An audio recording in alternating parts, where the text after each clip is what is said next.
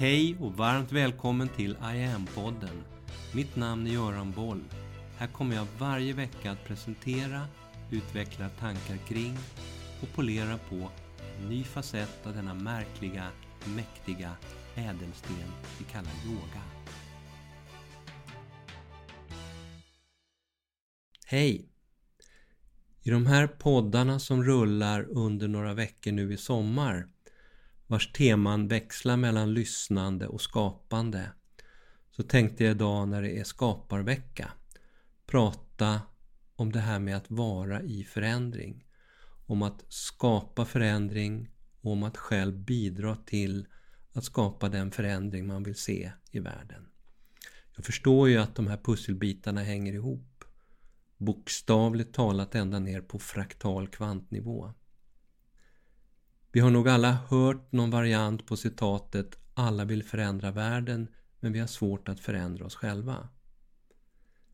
Vi anar att det finns en nyckel där, att det ena hänger ihop med det andra.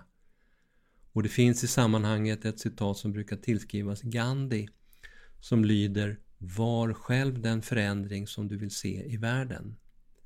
Ett väldigt fint citat, men nu sa han inte riktigt exakt så.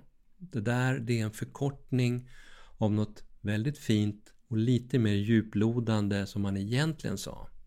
Som i svensk översättning lyder ungefär så här. Vi speglar världen. Alla strömningar i den yttre världen finns också inom oss. Om vi kunde förändra oss själva så skulle också världen förändras. När en människa förändrar sin egen natur så förändras världens inställning gentemot henne. Detta är det största och djupaste mysteriet. Helt underbart och källan till lycka. Vi behöver inte vänta för att se vad andra tänker göra. Slutcitat. Det där var vad Gandhi egentligen sa. Och i det här så ligger en väldigt central kärna, ett entydigt budskap. Om vi kunde förändra oss själva så skulle också världen förändras. Det är bokstavligt talat själva kärnbudskapet i den här typen av tänkande. Så som i det inre, så blir det också i det yttre.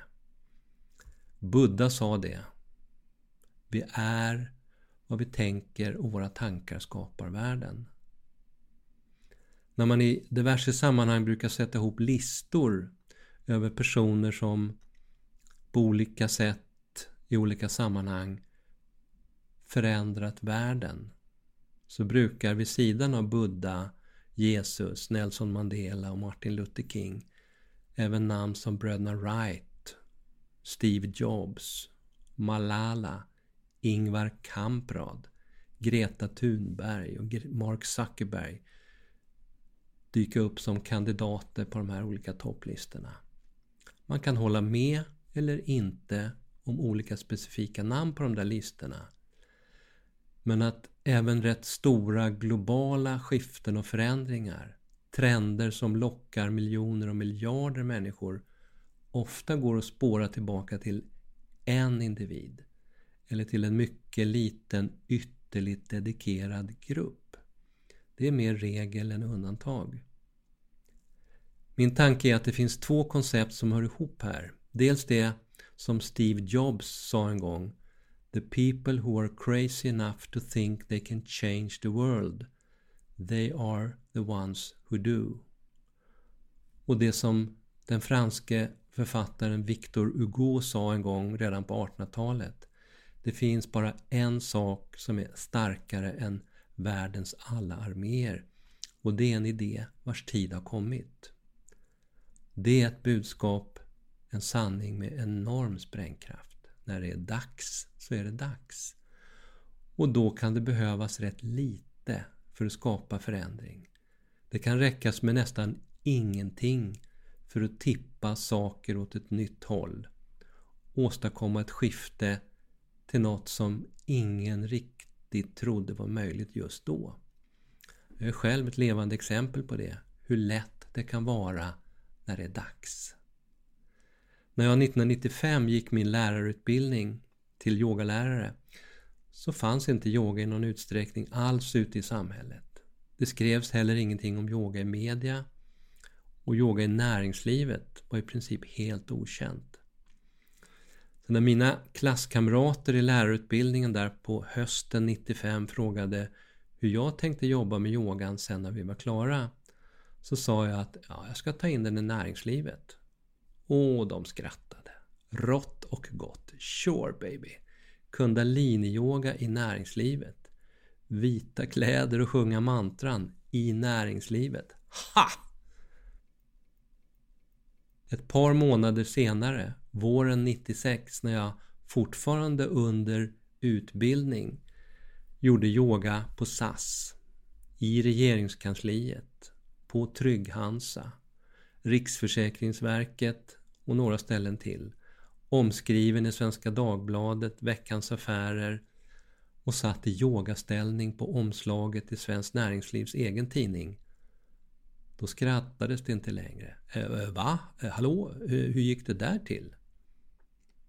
Det handlade om en enkel kombination av fokus, tur, utnyttjande av medias behov av bra stories plus att jag kände en journalist. En smart grundtanke kopplad till det då ökande behovet av stresshantering inom näringslivet på grund av den bank och fastighetskris som Sverige genomgick under hela 90-talet. Sjukskrivningarna på grund av stress och utbrändhet slog i taket och där kom jag spatserande med ett koncept om yoga som dokumenterat effektiv stresshantering. Uppbackad av internationellt publicerad forskning och omskriven i svensk media. Piece of cake. Mötte inget motstånd överhuvudtaget.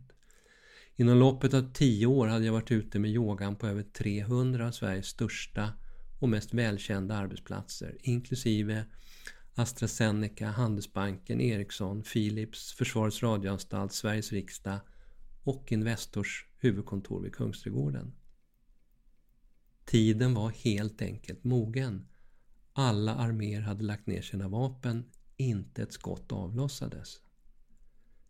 Samma sak hände en gång till med den svenska vården. 2007 när jag utan att fråga Socialstyrelsen om lov började utbilda vårdpersonal i medicinsk yoga så var det inte många som trodde på konceptet. Eller att vården skulle börja köra yoga själva med sina patienter. Men jag skapade en utbildning specifikt för människor inom vården, annonserade den i deras facktidningar och ville man gå den utan att vara vårdutbildad så måste man först komplettera med anatomi, fysiologi och sjukdomslära motsvarande undersköterska. Exakt tre år efter att den första utbildningen började rulla så tog Danderyds sjukhus i januari 2010 in Mediyoga till sina hjärtpatienter som reguljär rehab. Slussportarna öppnades på vid gavel, vården strömmade till och idag finns Mediyoga i en helt världsunik utveckling för alla patientkategorier på över 300 sjukhus och vårdcentraler i Sverige. Tiden var mogen för det också. Inte ett enda skott avlossades den här gången heller. Idag arbetar jag med I am-konceptet. Och min idé nu det är att ta ut det här globalt under 2023. Så vi får se om det skjuts något då eller om tiden är mogen för det här också. Nästa vecka när det är lyssnarvecka så tänkte jag prata om hur det är och hur det kan vara att lyssna in i tystnaden. Något som jag har gjort allt mer av på senare år. Hur fascinerande tystnaden kan låta och vad man kan lära utav den. Det finns i mitt fall numera också en väldigt fundamental och djupt smärtsam facett av lyssnandet in i tystnaden. En för mig oerhört viktig röst har tystnat. Du som följer mig på sociala medier kanske har sett att min katt Tao nyligen fick somna in efter en kort tids sjukdom. Hans purrande som kunde låta som en hel jetmotor har nu tystnat. En av mina allra största inspirationskällor har sinat. Och saknaden är djup. Oerhört djup. Min stränga lilla chef och stora, stora kärlek. Sen 14 år flyger numera fritt i universum. Tack Tao. Och tack för idag.